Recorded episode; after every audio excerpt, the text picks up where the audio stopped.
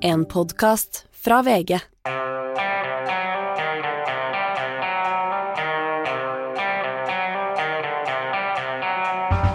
Ikke visste jeg at alle disse dagene som kom og gikk, de var selve uke 39.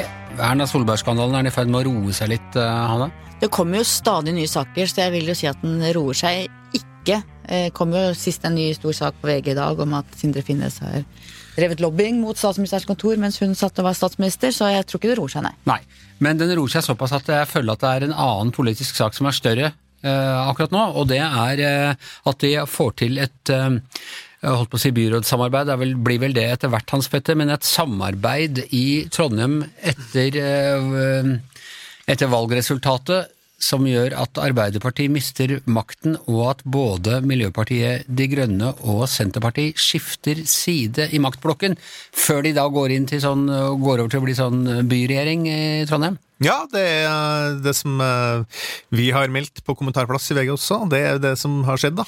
Det at du får et blå-grønt samarbeid i Trondheim.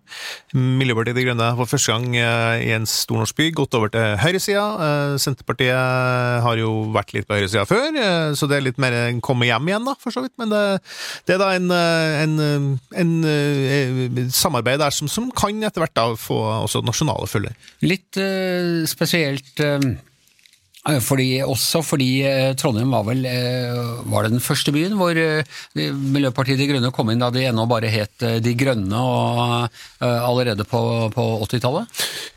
Ja, altså det var jo vår gamle venn Jan Bojer Vindheim som har vært den nestoren der oppe for å etablere MDG der oppe, da. Eh, og vært en tydelig politiker i Trondheim i veldig veldig mange år. Og MDG har, har etablert seg ganske kraftig der oppe, da. Eh, en annen ting som jeg syns er interessant i forhold til Trondheim, er jo at eh, det var også der det rød-grønne samarbeidet starta, for så vidt i 2003, da Rita Ottervik ble ordfører, da, som har sittet siden. Så Trondheim har en slags sånn ja, det har vært en slags sånn politisk entre entreprenørby. Politisk laboratorium. Ja, det er det. Og, og, og, i den forstand da, så kan det i hvert fall leses at, som at når de nå har klart å lage et Altså, det er et, et borgerlig byråd, for så vidt, med MDG på laget, men uten Frp. Frp har en slags uh, valgteknisk samarbeid. samarbeid. Så du får en sånn en ny pol, nærmest, i norsk politikk. da, En, en blågrønn uh, pol. og Det, det syns jeg i hvert fall Høyre i Oslo burde se, se litt nærmere på. Der, der er det litt halvkaotisk hvordan du skal få til et nytt byråd der. Hvorfor i all verden ser ikke Oslo Høyre også mot MDG? og for det er jo en, for høyresida en, en, en fantastisk mulighet å hente et parti over streken, da. sånn som Arbeiderpartiet gjorde da de henta Senterpartiet i 2003-2005. Hva tror du, Hanne, er dette begynnelsen på et eh, vidunderlig forhold, slik Bogart sier i, i Casablanca, eller er det en, bare sånn det av og til er i norske kommuner, at uh, uh, politikken fører til uh, strange bedfellows? Nei, det var jo Trondheim det rød-grønne alternativet begynte ordentlig. Sånn at Trondheim er en slags foregangsfigur, og det er klart at dette kan få rikspolitiske følger hvis vi følger trøndernes historikk på dette. Eh, så det kan jo hende at dette er åpningen for at vi får faktisk en eh, blågrønn allianse i norsk politikk uten Frp, men med da Høyre og MDG som da skifter i realiteten over på den borgerlige sida. Men én ting er å dele ut litt eh, sykkelstier og, og miljøvennlige eh, greier her og der på, på uh, bynivå. Noe helt annet er jo da de svært ambisiøse klimamålene MDG har sammenlignet med f.eks. Høyre? Absolutt, og MDG har jo prøvd å bredde seg ut til å bli et mer av et sånt miljøbevisst folkeparti men folk oppfatter det som veldig veldig smale nettopp sykkelstier. Så dette forutsetter også at MDG i større grad klarer å bredde dette ut. De er f.eks. et ja til EU-parti, det liker jo vi. Eh, kunne, og Høyre. Og Høyre. Så hvis du får en annen kraft hvor på en måte MDG også blir mer av et eh, bredt parti, at folk oppfatter dem som mer av et bredt Hvis vi går inn for den breddesaken eh, få Norge inn i EU, som er så populær der ute blant folk, så Ja, det hadde vært noe, Anders. Vi, vi kan jo le av det, men det er jo, det er jo faktum at du, i en sånn blå-grønn allianse så er det jo faktisk ja til, tre ja til EU-partier som dominerer, da. Det er MDG, Venstre og Høyre. Uh, men, det som, e ja, men det som er interessant, det er jo også at Kent Ranum, da, som blir da ny ordfører i Trondheim, og senere byrådsleder, for de skal jo over til en parlamentarisk modell der òg, sier de. Uh, sa han da, Noe av det første han sa på den pressekonferansen i dag, var at vi skal ta byen i en ny og grønnere retning. Mm. Og det er jo helt nye ord fra, fra Høyre. Mm. Uh, uh, og, og, det viser jo også at, at sånn som du ser nedover i mange europeiske byer, at også, den moderate høyresida da, eh, tar klimaspørsmålet, tar miljø, bymiljø alt noe sånt veldig på alvor. Eh, og det syns jeg også noe man bør merke seg litt i Oslo Høyre, som, som jo har vært en sånn veldig anti-MDG, litt sånn hardt anti-MDG-budskap. Ehm, at, at man ser byene over, store byene over Europa hvor det her er ganske etablert. Da. Det er jo en konservativ sak å vil ta Jeg, jeg vil si det. Så det er jo ikke noe grunn til at klimasaken eller, eller bymiljøet den slags skal være noe venstresidesak. sånn at eh, Jeg, jeg syns det litt politisk nerd, kanskje, men jeg syns det her er, er ganske spennende. altså. Ja, Hanne, skal vi, vi anbefale på lederplass uh, Høyre og MDG å søke sammen nasjonalt? Uh, nei, og det er ikke så ofte, vi kommer jo ikke med den type anbefalinger. Andre aviser mener både nå om hvilket parti folk Vi skal jo stå i stiftelseserklæringen at vi skal søke bro over motsetninger og få til brede samarbeid og sånne ting. Og det står også at vi er uavhengige, Anders. Ja, ja. Okay. Bare en ting til vi må ta med, fordi det er jo også Trond Giske jo litt, så litt innblanda i de greiene her. fordi eh, han har jo Han er jo den sterke mannen i, i Trondheim Arbeiderparti, har vært liksom siden eh, ja, 90-tallet. Og, sitt eget arbeiderpartilag der? Ja, og nå har han jo danna sitt eget lag, som er det største der oppe. Desidert største laget i Ap på valgnatta, eller i hvert fall rett etterpå, så, så klarte Giske, selv om han ikke har noen sånn formell posisjon i forhold til det med, med Trondheim Arbeiderparti, hvem som skal inn i bystyret, eller i kommunestyret der, da, å framforhandle en avtale med Industri- og Næringspartiet, som skulle da sikre eh, rød-grønt flertall i Trondheim. Eh, men da glemte han jo følgende, nemlig at eh, Miljøpartiet De Grønne vil ikke ha noen ting som helst med Industri- og Næringspartiet å gjøre og foretrakk faktisk da heller et valgteknisk samarbeid med Frp. Og Det er også, synes jeg, fryktelig eh, interessant. Og Det betyr jo også, i hvert fall sånn inntil videre, da, så er da Trond Giskes eh, tunge innflytelse i trondheimspolitikken ved veis ende. Og det er klart det smerter Arbeiderpartiet å miste Trondheim by. Og det er klart det smerter trønderne som har følt seg som veldig mektige innad i Arbeiderpartiet. Tyngdepunktet, de er ganske cocky på det.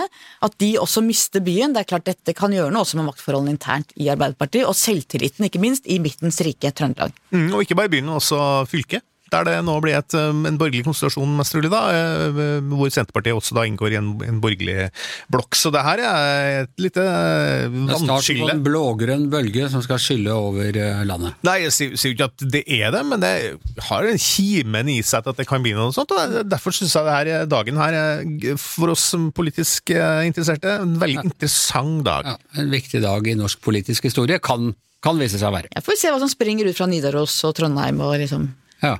Midtbyen. Ja. Midtnytt. Ikke sant. Da kommer vi til sak nummer to, som altså er uh, Erna Solberg-saken, som helt klart har, eh, har eh, preget uka.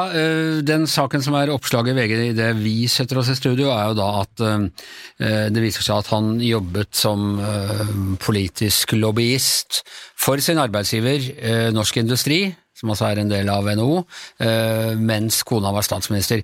Dette er vel pinligst egentlig for norsk industri, som har vært ute og sagt helt klart at det gjorde han ikke. Han bare drev med, han var nærmest låst inne på et rom hvor han drev med tallknusing, men dette har de altså løyet om? Absolutt, det er pinlig for norsk industri, og dette er jo en sak som ikke Erna Solberg kan hefte ved, for Nei. hun kan jo ikke vite hvilke mailer hennes ektemann sender på vegne av sin arbeidsgiver til hennes kontor. Ja, vi kan jo spørre om, men uh, ja. Men, uh, men, det er klart at dette er pinlig for norsk industri, og for Sindre Finne, som da har gjort noe han ikke skulle gjøre, nemlig å drive lobbying overfor sin egen kone. Ja, for det har han ikke lov til, eller hva er ja, han fikk, altså Arbeidsgiveren hans, Norsk Industri, har sagt at det skulle han ikke gjøre, det var de enige om, og det vil jeg ja. tro også Erna Solberg syns at det har vært at, tatt... Men har dette skjedd da uten Har han løyet for Norsk Industri på samme måte som han løy for Erna Solberg, eller har de latt ham gjøre det Eh, jeg mener, hvis han har gjort, han har gjort dette på eh, en slags oppdrag fra, fra, arbeidsgiveren. Eh, de har vel kontroll med hvem som jobber for dem? Altså, de det får vi vel ikke noe godt svar på, men hvis det er tilfellet at han har gjort på oppdrag av dem, så er det ille for norsk industri. Hvis han har gjort på egne vegne, så er det ille for han, men det er vel en, kanskje en slags salig blanding her, da. Ja. Du, Annen sak da, siden sist vi satt her, er at han, det ble hevdet at han hadde tjent 1,8 millioner kroner på disse aksjespekulasjonene sine, og noen holdt på med at det var ikke så mye penger fordelt på ti år osv., osv.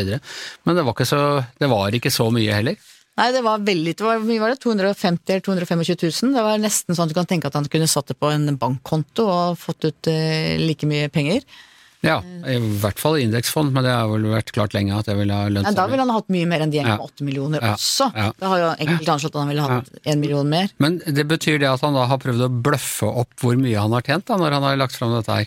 er. For det, for det, altså, eh, det er klart det ville tatt noe mer altså, Saken er saken, at han, eh, at han gjorde henne inhabil, men eh, og at det da kan stilles spørsmålstegn ved disposisjoner hun foretok seg. Men det er klart det hadde sett ennå Det hadde vært litt mindre ille hvis det viste at han bare hadde tjent 200 000 kroner på åtte år på dette. Ja, men veldig pinlig for han. Det er klart, dette er jo ikke en uh... Er det forfengeligheten da som har fått ham til å si at uh, han har tjent mer? Nei, jeg veit ikke, Anders. Jeg fikk litt sånn vondt i magen da jeg så det beløpet og tenkte uff, dette var jo nesten litt eh, trist. Han har gjort det veldig dårlig, da, Ja. som aksjetrader. Og det Lik null han- justert for prisstigning, har ikke vi fant ut? Ja, sånn at ja. Jeg vil tro at dette for han så er det litt eh, flaut. Ja. Men betyr det at denne saken ikke er så farlig, da? Det betyr det ikke, Anders. Habilitet handler om andre ting enn summene. Og han har jo hatt store aksjeposter til store verdier i en mengde. Over 45 selskaper han hadde poster verdt hver 100 000 kroner. Så habilitetsspørsmålet rundt Erna Solberg, det ligger det fortsatt der som Solberg-saken. Ja. Eh, Så hadde, eh, så hadde NRK i dag en sak hvor de har foretatt en meningsmåling om eh, man stoler på Høyres forklaring om at det ikke var mulig å få lagt fram disse aksjehandlene før fire dager etter valget, og det viser seg at seks av ti ikke tror på det. Jeg, er litt usikker på metodikken der og hvordan de spørsmålene er stilt, sånn, men er, er det mye eller lite? Det er ganske mye, og vi har også stilt spørsmål om det. Hvorfor kunne de ikke lagt fram f.eks. tallene tilbake til 2019, hvor man bare kunne finne, trykke på en VPS-konto? Hvorfor kunne de ikke ha sagt at det var mye mye større alvor enn de var klar over? Altså at det gir en skisse for å korrigere det bildet de hadde gitt fram til valget var over. Sånn at det er ikke så rart, syns jeg, om folk svarer sånn. Ja. Eh, er det grunn til å tro at det kommer mere? Mere saker? Ja, det tror jeg, Anders. Jeg tror det er fortsatt mye som eh, ligger her som eh, journalister i VG og E24 og andre steder vil finne ut av. Men eh, du skriver ikke om det, du skriver ikke til i morgen, du har outsourca spalta di. Ja, for Astrid skrev, har skrevet en veldig god kommentar om Sverige, som jeg synes også papirleserne våre skal få lese. Det som skjer i Sverige er jo, som jeg har snakka mye om her i øvre gjengen, og det er jo så dramatisk at det er nesten ikke til å fatte. Nei. Ja, det har vi snakket om flere dager på rad her, men det er bare for de som betaler, som får høre hva vi mener om det. Dere andre kan bare sveve i uvitenhet. Er vi tilhenger av eh, voldsbølgen er i Sverige? Er vi mot den? Ja, det syns jeg ikke. Det, er, eh, det må du betale for å få vite, rett og slett. Så, Og da vil vi bare oppfordre folk til å betale for å få vite ikke sant? akkurat det. Ikke sant? Det er klart at det, er, det kan trekke nye horder inn til eh, betalende her i, i Podmy. Ellers har vi også snakket om, eh, om krisa i eh, Arbeiderpartiet denne uken. Eh, Det skal vi ikke snakke så mye om eh, nå, men eh, krisen i det tyske sosialdemokratiske Arbeiderpartiet, den er heller ikke til å kimse av, eh, Per Olav. Eh, Nei, de sliter veldig med oppslutningen. De har gått omtrent eh, 10 tilbake i forhold til hva de gjorde under valget sist. Og det partiet som har gått mest fram, er det høyre-radikale Alternativ for Tyskland, som har økt omtrent like mye, og som nå er betydelig større enn sosialdemokratene i meningsmålingene. Ja, Hvis du ser på de der oversiktene, så ser det nærmest ut som de liksom bare har overtatt velgerne mer eller mindre fra, fra sosialdemokratene. Uh, Alternativet for Tyskland ligger på over ø, 20 og SPD ligger på, på 16-17. Og i enkelte sånne østlige deler, så hva var det du sa, Sindre, at, at sosialdemokratene ligger nede på sånn 6-7% Ja, det har vært det i østlige delstater hvor de ligger på en 7, og så er da alternativ for Tyskland oppe på 20- og 30-tallet på en del målinger. Så det er jo en veldig sterk støtte til eh, dette alternative partiet eh, i mange øststater. Men så ser vi også nå at de scorer ganske godt i, også i de gamle veststatene, altså den demokratiske forbundsrepublikken eh, i Vest-Tyskland. Per Olav, har dette noe med at, eh, altså at et eh, såpass høyreradikalt parti kan gjøre det så bra? Altså Tyskland har vært det landet kanskje i Europa som har stått mest mot høyreekstremisme, men på et eller annet tidspunkt så går den der dårlige samvittigheten ut på datastemplinga. Nå er det jo knapt mennesker igjen som kan huske noe som helst av annen verdenskrig. Ja, nå er det jo slik at eh, de andre partiene, alle de andre partiene har eh, etablert det som de kaller en brannmur mot eh, AFD. De vil ikke samarbeide med det partiet i det hele tatt. Eh, Sånn har vært, det har vært den rådende linjen så langt, og det består egentlig fortsatt. Men det blir jo stadig vanskeligere, fordi eh, nå skal det være valg i tre av disse av tre av disse delstatene i øst nå neste år, om et års tid. I Tyringen, i Brandenburg og i eh, Saksen. Og, og der ligger altså Der har de omtrent en tredjedel av velgerne, ifølge meningsmålingene i dag. Um, det dette partiet er veldig gode på, er å spille på misnøye, spille på frykt. Uh, og um, vi lever jo i en urolig tid hvor det er et økonomisk Mange opplever et økonomisk press. Uh, og uh, en del av velgerne ser etter alternative svar til uh, ja, de etablerte politiske partiene. Men, og det er jo, altså, det er grenser, dette er jo litt som i Sverige, hvor man ville holde Sverigedemokraterna Sverigedemokratene utafor. Likte ikke at de gjorde det så bra, men det er et tidsspørsmål hvor lenge man kan holde en såpass stor eh, demokratisk valgt gruppe utafor regjeringssamarbeidet, Sindre? Ja, det er et veldig godt poeng. Og vi har jo hatt eh, også perioder hvor eh, faktisk det parlamentariske flertallet i Sverige har vært til høyre for midtstreken, ikke sant? men så har det likevel blitt sosialdemokrater som har fått statsministeren, fordi man har ikke villet anerkjenne da Sverigedemokraterna tidligere som en del av et parlamentarisk grunnlag. Nå har den muren falt i Sverige. Og det er jo tilsvarende nå i Tyskland. Ingen vil ta i AFD med ildtang av de andre partiene. Så kan du da få parlamentariske flertall som helt omgår det, men da får du jo rare konstruksjoner. Og det er jo ikke sikkert over tid at det er den beste måten å, å unngå at eh, velgerne flokker seg om alternativene, og, og nærmest ikke anerkjenne at de er en del av parlamentarismen. Bare nevne én ting til når det gjelder AFD. Det er jo en veldig spesiell tysk forfatning med den grusomme nazifortiden de har, eh, som faktisk på et tidspunkt kan komme til også å intervenere og erklære f.eks. AFD som ulovlig, fordi man jo er så livredd for å få ytre høyreparti Hva skal til da? Er det holocaust-fornektelse? Hvil- hvilke parametere er det som kan utløse det? Ja, det er jo det er jo sånn vanskelig juridisk eh, bakland, men det, det skjer titt og ofte at eh, forfatningsdomstolen i Tyskland faktisk intervenerer og blander seg inn i politikken, fordi eh, Tyskland da har en helt spesiell eh, grunnlov for å nettopp verge av en ny eh, Hitler. Og nå i det siste så har det jo grepet inn mot eh, ikke politiske organisasjoner som sådan, men altså grupper i det på ekstreme ytre høyre. Det Ardske Mannschaft var det siste, som altså er en sånn ren rasistisk organisasjon som ble forbudt. Eh, Du har noen sånn hvit maktgrupper som også er blitt forbudt. Eh, Og du hadde dette nostalgiske eh, partiet Det var for så vidt en politisk organisasjon som ble forbudt i fjor. Men eh, AFD har jo også, i hvert fall deler av AFP og enkeltpersoner i AFD, har jo vært under granskning, og er vel også fortsatt det. Men ellers er det å si at dette partiets oppslutning har jo variert veldig med eh, for eksempel, altså innvandring, eh, mot, innvandringsmotstand har vært liksom den fanesak nummer én. Det var det som eh, har brakte partiet til, gjorde at de fikk stor oppslutning etter flyktningkrisen i Europa i, i 2014-2015. Da det, gjorde det veldig bra. Og så gikk det tilbake igjen mm, under det forrige valget, for da var det ikke det lenger så akutt. Nå er det igjen en stor økning i antallet asylsøkere, flyktninger til Tyskland, og så kommer den økende oppslutningen. Ja, så har du fått uh, Ukraina på toppen, så, så presset øker der. Jeg må si det kvepper i meg hver gang jeg ser, uh, leser artikler om dem, fordi de bruker jo det norske, eller nesten det norske flagget. Norge, Norge i rødt, gult og blått, ja, rett og slett. Det ser litt sånn sånn pissegult norsk flagg de, de står og veiver med.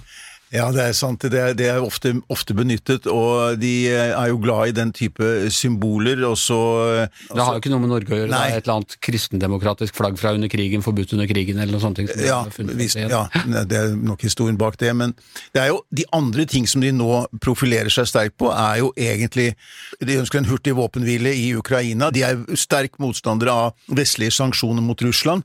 Det er jo mange av de som har uttrykt beundring for Putin tidligere, i hvert fall. Og eh, samtidig så også tjener de også på motstand mot klimatiltak, da. Altså de tror ikke egentlig på menneskeskapte klimaendringer, og det har vært også en gjennomgående tema.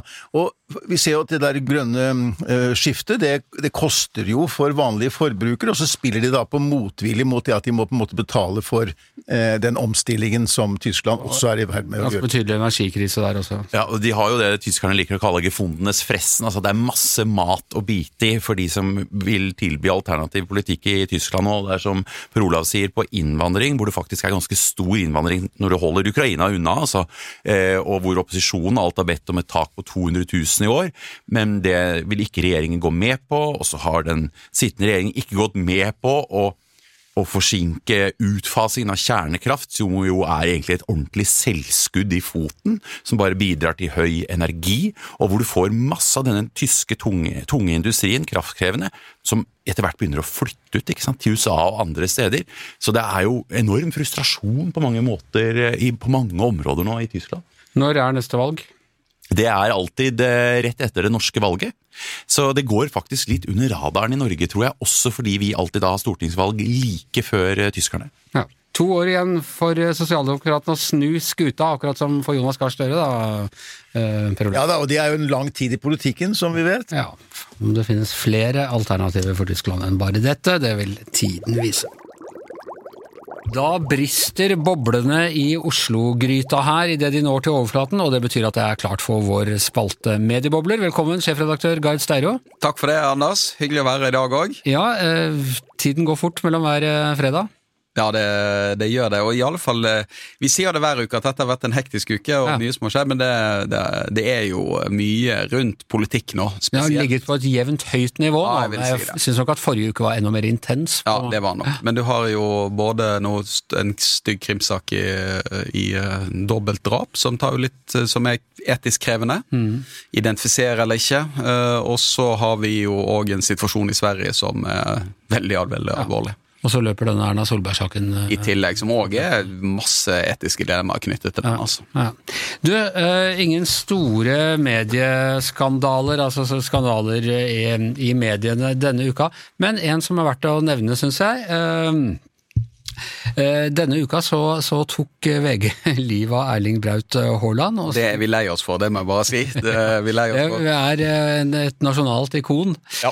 Nei, vi skrev altså rett og slett at, eh, at eh, fotograf David Yarrow har tatt ulike bilder av fotballspiller Erling Braut Haaland som ble skutt på milliardær Arne Fredlids eiendom på Bygdøy. Man skjønner jo hva meningen har vært her, men, eh, men det ser jo ikke Det ser ikke, og jeg skjønner godt at andre medier lager saker om dette, for det er unektelig komisk. Mer komisk enn alvorlig. Det som, altså det dette er, som skjer her, er at vi begynner å ta i bruk kunstig intelligens for å lage sånne kortversjoner av saker. Sånn at du for, rett og slett får oppsummere og ta ut journalistikken vår i ulike formater. Og der får journalistene hjelp av kunstig intelligens. Så du bruker kunstig intelligens til å lage et utkast, og så skal da journalisten lese igjennom dette. Og det står Sjekk- til og med under at eh, oppsummeringen er eh, laget av AI-verktøyet ChatGPT og kvalitetssikret av VGs Ja, så her må vi si at her har kvalitetssikringen åpenbart sviktet. Menneskelig svikt. Ja, det, det, er mens, ja, det er jo datasvikt. da. Det er jo egentlig ChatGPT som har sviktet, men så har vi sviktet i andre ledd. Ja, men det er liksom, hvis, hvis autopiloten styrer deg rett mot isfjellet, så, så er det jo menneskelig svikt å ikke se Styre det. unna, Ja. det er enig. Og så er det, eh, så kan vi si at dette er litt komisk, og så er det litt alvor i det òg, for det viser jo også svakheten ved kunstig intelligens. Dette er jo en oversettelse. Det er sannsynligvis da photoshoot der, sant? og så har ikke de klart å håndtere dette, og så kommer det ut. Men det, jeg tror du er inne på noe som er Etter min mening så er jeg ganske sikker på at kunstig intelligens, altså ulike verktøy bygd på kunstig intelligens, kommer til å være co-piloter i hele mediebransjen. Det begynner allerede å komme, og det kommer til å komme mye mer av det. Og de verktøyene er sterke og kraftige og veldig veldig verdifulle, riktig brukt. Men de, er, de kan ikke liksom erstatte mennesker ennå, iallfall. Så her eh, må vi passe litt på, altså. Og den som passer på her, det er jo vår eh, gamle kollega Ken André eh, Ottesen, ja. Ottesen, Ja. Som, som driver, eh, blant mange ting, driver da, da Twitter-kontoen BA-desken. Som vi kan anbefale. Som vi anbefaler, og som er veldig Han må jo få mye tips og sånn. Han er jo ute med én gang og plukker opp når det er noen sånne feil eller Jeg tror han har en tilhengerskare som er ganske stor, som tipser han med en gang de ser en tabbe i en norsk lokalavis. Jeg tror mange av dem jobber på desken i norske aviser og er vant til å se etter, etter den eh, typen tabber. Det. Men det betyr ikke at vi, eh, vi dropper altså ikke KI som følge av det? Nei, det tror jeg ikke. Det skal vi ikke gjøre. Altså, du kan, jeg mener det er veldig stor grunn til å være eh, kritisk til veldig mye av det som kommer med kunstig intelligens. Vi skal møte det med skepsis òg mye, men vi må også samtidig være teknologioptimister her. Og det tror jeg, eh, fordi at det er riktig brukt, så gjør, det kommer dette til å gjøre journalistikken mye, mye bedre. Det kommer ikke til å erstatte oss, men det kommer til å revolusjonere metodene våre og måten vi kan ta ut journalistikken på, og kommer til å effektivisere en del arbeidsprosesser som gjør at vi får bruke mer tid på det som ikke maskiner kan gjøre. Og så er det jo ikke sånn at man ikke gjorde sånne, denne typen tabber før eh, KI kom. Det er bare, det Den klassiske i VG er jo den eh, hvor vi presenterte bokseren Ivory Coast fra Elfenbenskysten en gang på, på 80-tallet. Ja, og du skal ikke, trenger ikke gå tilbake til der. Vi hadde jo og, vi to, klarte jo å ta livet av Arthur Hansen for noen år siden, og det skal jeg love deg, det var en, og det var en ren menneskelig feil. Ja. Der vi hadde sagt at han var gått bort i en notisspalte, og der eh, den morgenen jeg måtte ringe mm. opp til Tromsø og til familien til Arthur Hansen og beklage, før de hadde lest dette en gang, at vi hadde tatt livet av Arthur Hansen. Det var en, en dårlig start på dagen, altså. Ringte du Trond Giske og Hadia Tajik den gangen vi skrev at de hadde fått barn sammen? Nei, det også? gjorde jeg ikke. Det gjorde jeg ikke. Men det, hvis jeg hadde sagt at de var gått bort, så måtte jeg ringt. Ja, ja, nemlig. Det er mange vi kan lage egne spesialprogrammer om alle de menneskelige feilene som er, er begått i mediene. Det har også vært uh, møte i Pressens faglige utvalg, eh, det vi bare kaller PFU, denne uka. Det er jo alltid interessant for folk som er uh, opptatt av, av medier. og VG frikjent, eller hva, hva, sier man når man ikke blir felt? Ja, Vi sier at vi, vi kan si frikjent. Vi pleier å si at vi ble ikke felt. Um, og vi var jo klaget inn for Det er jo ikke en domstol. Nei, det er ikke det. Uh, og, men det, vi, vi var, det var en sak som var til behandling der vi var klaget inn for brudd, brudd på mange punkter, men det kanskje mest sentrale var dette 3-3 i Varesom-plakaten, som handler om å gjøre premissene klare. Og det handler om at Når du skal intervjue meg her, så skal du eh, fortelle meg at nå er det opptak, og eh, her er vi ikke, dette er ikke en bakgrunnssamtale. Alt det du sier her kan bli sendt ut på luften. Presenterer deg ikke med et barn du ikke visste du hadde, eller noe sånt. Så du skal gjøre rammene for et intervju skal være, eh, skal være presentert godt på forhånd. Og der ble vi klaget inn for å ikke ha gjort det. PFU kom til at det var klart. Samtidig så er dette, dette er en privatperson som har klaget VG inn, så det, jeg vil si det er en sånn sak som vi, vi, vi, vinner saken, men samtidig er det sånne saker vi egentlig ikke har lyst til å ha i PFU. fordi at det er mye mer interessant synes jeg, når PFU behandler saker som er prinsipielt interessante eller er viktige. Så, vi, så det, er sånn, det er ikke noe sak vi feirer at vi vant. Nei.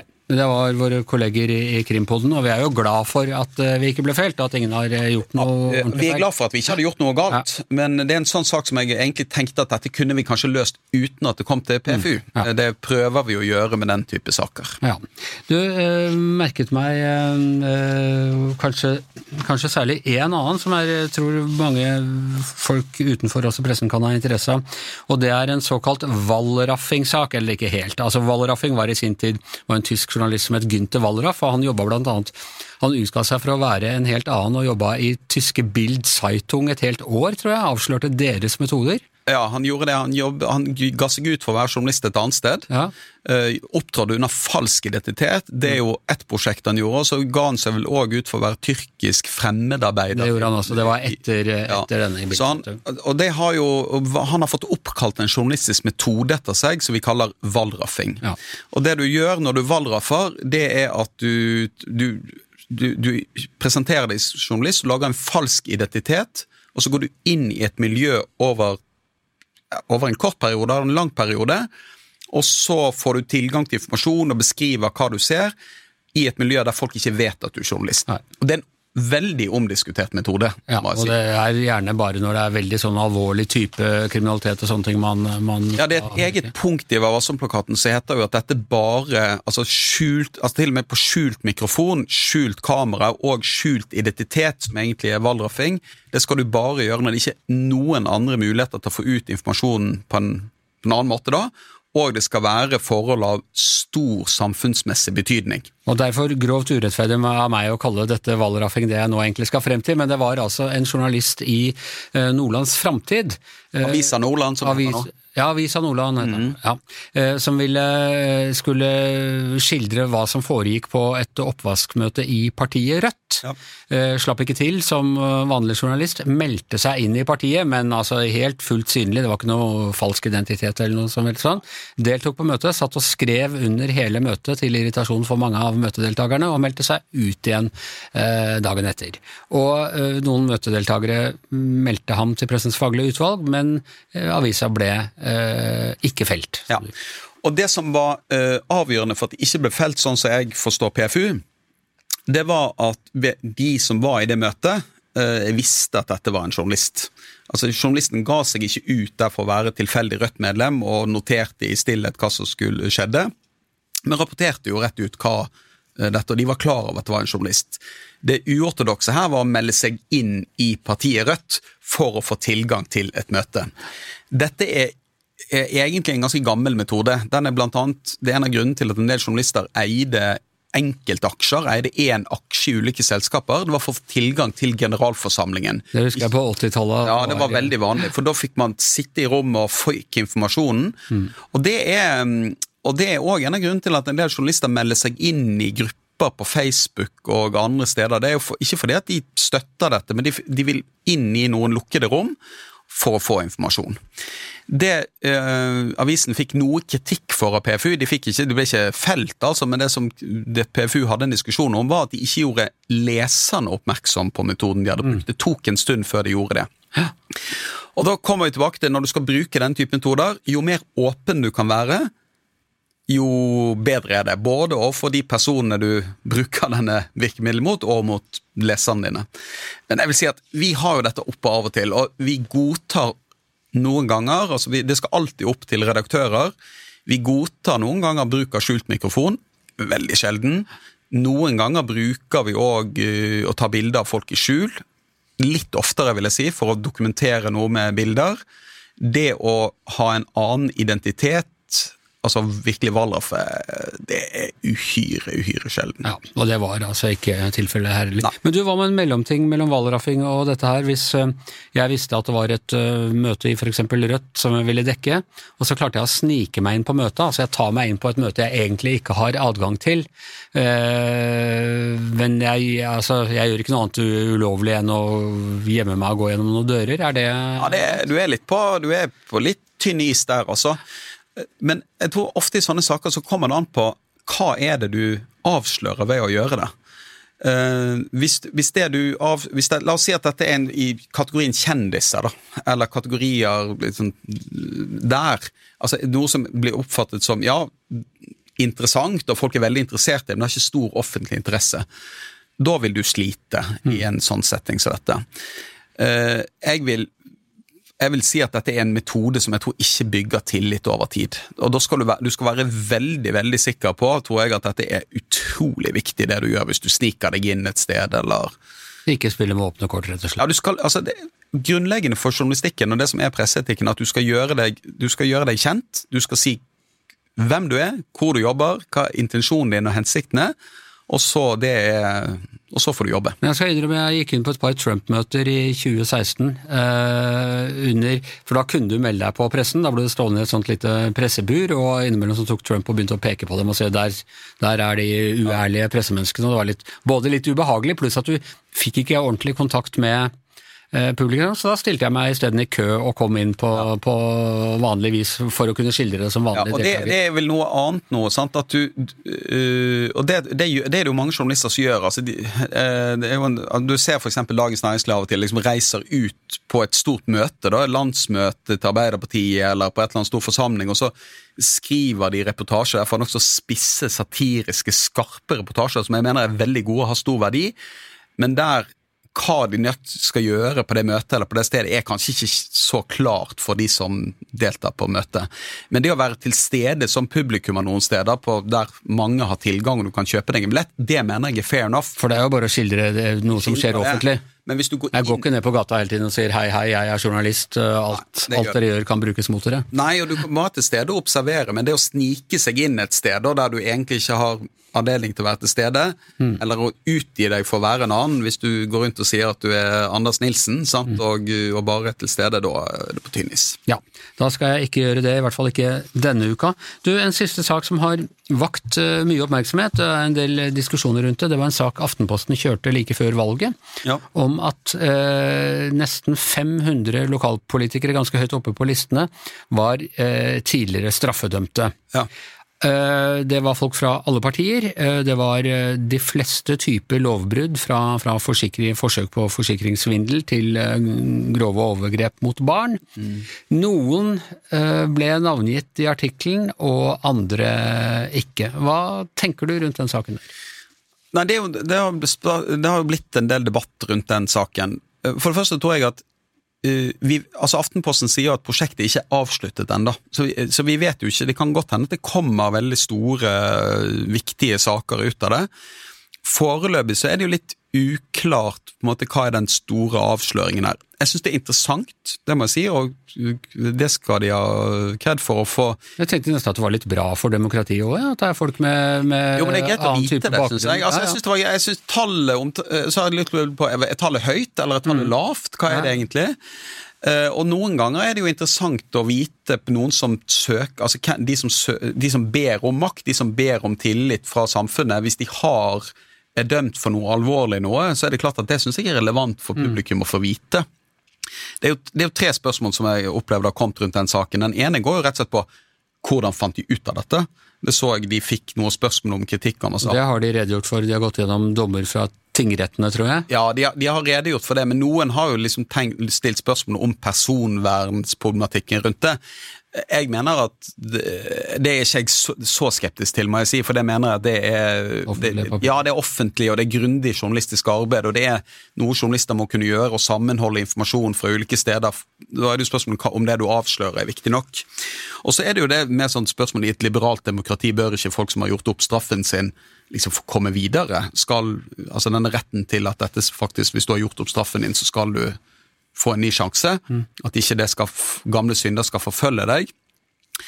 Eh, Det er jo Jeg syns det er et interessant, og så samtidig tenker jeg at når du velger å søke makt og bli tillitsvalgt, iallfall hvis du kan få, en, få, et, få et viktig verv, så må det kanskje være åpenhet rundt Det Det var det. 21 av disse, tror jeg, som var listetopp. Ja, og da synes jeg, iallfall når du er listetopp, og så, så mener jeg at du kan forsvare det. Og så var det vel, som vi snakket litt om, Anders, et par av disse lovbruddene som var litt sånn i den nedre skala, da kanskje? Du hadde jo en du reagerte Ja, altså. Jeg reagerte på en kvinne i en mindre norsk kommune som eh, for fem år siden hadde forsøkt seg på en forsikringssvindel, var blitt tatt, fått samfunnstjeneste på 35 timer, sto nå på annenplass uh, på en eh, lokal liste. Og hun ble navngitt i Aftenposten, og, det, tenkte- og hun trakk seg og var åpenbart helt fortvilt over dette, og det opplevde jeg som ganske hardt, da. Ja, det tror jeg òg. Og da, da er det jo alltid spørsmålet hvordan reagerer og leser og publikum på dette. Jeg òg bet meg merke i akkurat den. Og så kan du si at hvis du, still, eh, at hvis du still, står på andreplass for et eh, parti og du kan havne i en viktig posisjon i kommunestyret her, så bør kanskje folk vite om dette. Men det fremsto litt hardt. Hun hadde åpenbart gjort en feil. Hun hadde erkjent alt i retten, fått samfunnsstraff på 35 timer og gjort opp for seg. Ja. Og nå er det da søkbart. Selv om hun nå har trukket seg fra Høyre, så vil jo det være søkbart og kjent for all tid. Ja, og trukket seg, du kan jo ikke bare trekke deg, du blir valgt inn hvis du blir Jo, hun blir valgt inn, men hun har jo liksom bedt om å på en måte, i alle fall, altså, hun, Det er jo åpenbart at hun ikke Eller det fremsto ikke som hun skulle prøve å gjøre en politisk karriere Nei, etter dette. nei. Eh, Og da viser det litt dilemmaene eh, som man står i på en sånn identifisering. Aftenposten velger å identifisere denne politikeren, og i går så valgte de å ikke identifisere mannen da som er etterlyst for dobbeltdrap i Kristiansand Og som er på frifot. og som er på frifot. Sant? Og det viser, og det tror jeg også for publikum er det veldig vanskelig å forstå av og til disse vurderingene vi gjør i mediene, som er jo komplisert og vanskelig, og det, det er ikke noe rett eller galt svar på dette. Men jeg synes det Jeg skjønner at det kan bli debatt rundt den Aftenposten-saken, men jeg vil ikke være veldig kritisk da, og jeg, jeg, og jeg klok av skade så venter jeg alltid med å vurdere sånne prosjekter til de er avsluttet, da man ser virkelig hva som kommer ut av det. Og så er det jo litt spennende når Aftenposten da sier at dette er bare en del av uh... Ja, det, og det la jeg merke til. Ja. sant? At Da kan det godt hende at det ligger med, at dette er en del av en publiseringsløp som vil gi oss et helt annet bilde av denne saken. Kanskje det blir allerede neste uke. Da får vi ikke snakket om det, for da, det, da har jeg høstferie. Da er det ikke mediebobler. Jeg vet ikke om du skal ha høstferie òg? Ja. Nei, du vet jeg, eh, du må ta høstferien din, men jeg er egentlig på sånn vestlandshøstferie. Ja, ja, vi har, jeg har egentlig uken etter, ja, ja. men, eh, men vi, kan, ja, vi får nok til noe om ikke så lenge, Anders. Ja. Det er bra. Hyggelig å ha deg her, eh, Gard. Vi snakkes uansett. Og med det så går det mot slutten her i, eh, i eh, og gjengen for denne uka. Neste uke er det høstferie i eh, Oslo. Da skal du skal på ferie, Hanne. Å ja. Hvor skal du hen? Jeg skal på hytta på Nesodden og plukke sopp. Hytta på Nesodden og plukke mer sopp. Eh, og jeg skal også på høstferie, og jeg skal til det heilage landet. Så, um, så jeg er langt unna, men eh, Hans Petter, du skal holde tømmende deler av uka. Ja, da skal jeg innta din plass, eh, Anders, og så skal vi lage masse sånne ting som vi vanligvis ikke får lage da, når du er her. Ja, alle de tingene der. Så hva er det? Hva slags ting er det? Det får du bare høre på. Med sånn mellomeuropeiske mellomeuropeisk politiske greier også. Du får logge deg inn på Podme til uka, så Ja, får du høre det. det blir spennende. Og så vil også Sindre for du skal også ha noen eh, høstferiedager, det er mye høstferie i pressen. Eh, Så da kommer Sindre inn og eh, Sindre Heierdal inn og har del av det. Og det skjer jo to To ting vi vet skjer neste uke, er jo både statsbudsjettet og Nobels fredspris. Så um, det er all mulig grunn til å følge med. Dessuten kommer det helt sikkert til å skje ting på alle de andre frontene også. Og med det så er Giæver og gjengen eh, over for i dag. Tusen takk til Hanne Skartveit, Hans Petter Sjøli, Gard Steiro, Sindre Heierdal, Per Olav Ødegaard. Jeg heter Anders Giæver, og mannen som heldigvis ikke er skutt verken på plenen til investor Fredelig eller på en gate i Sverige, er vår produsent Magne Antonsen. Du har hørt en podkast fra VG. Ansvarlig redaktør, Gard Steiro.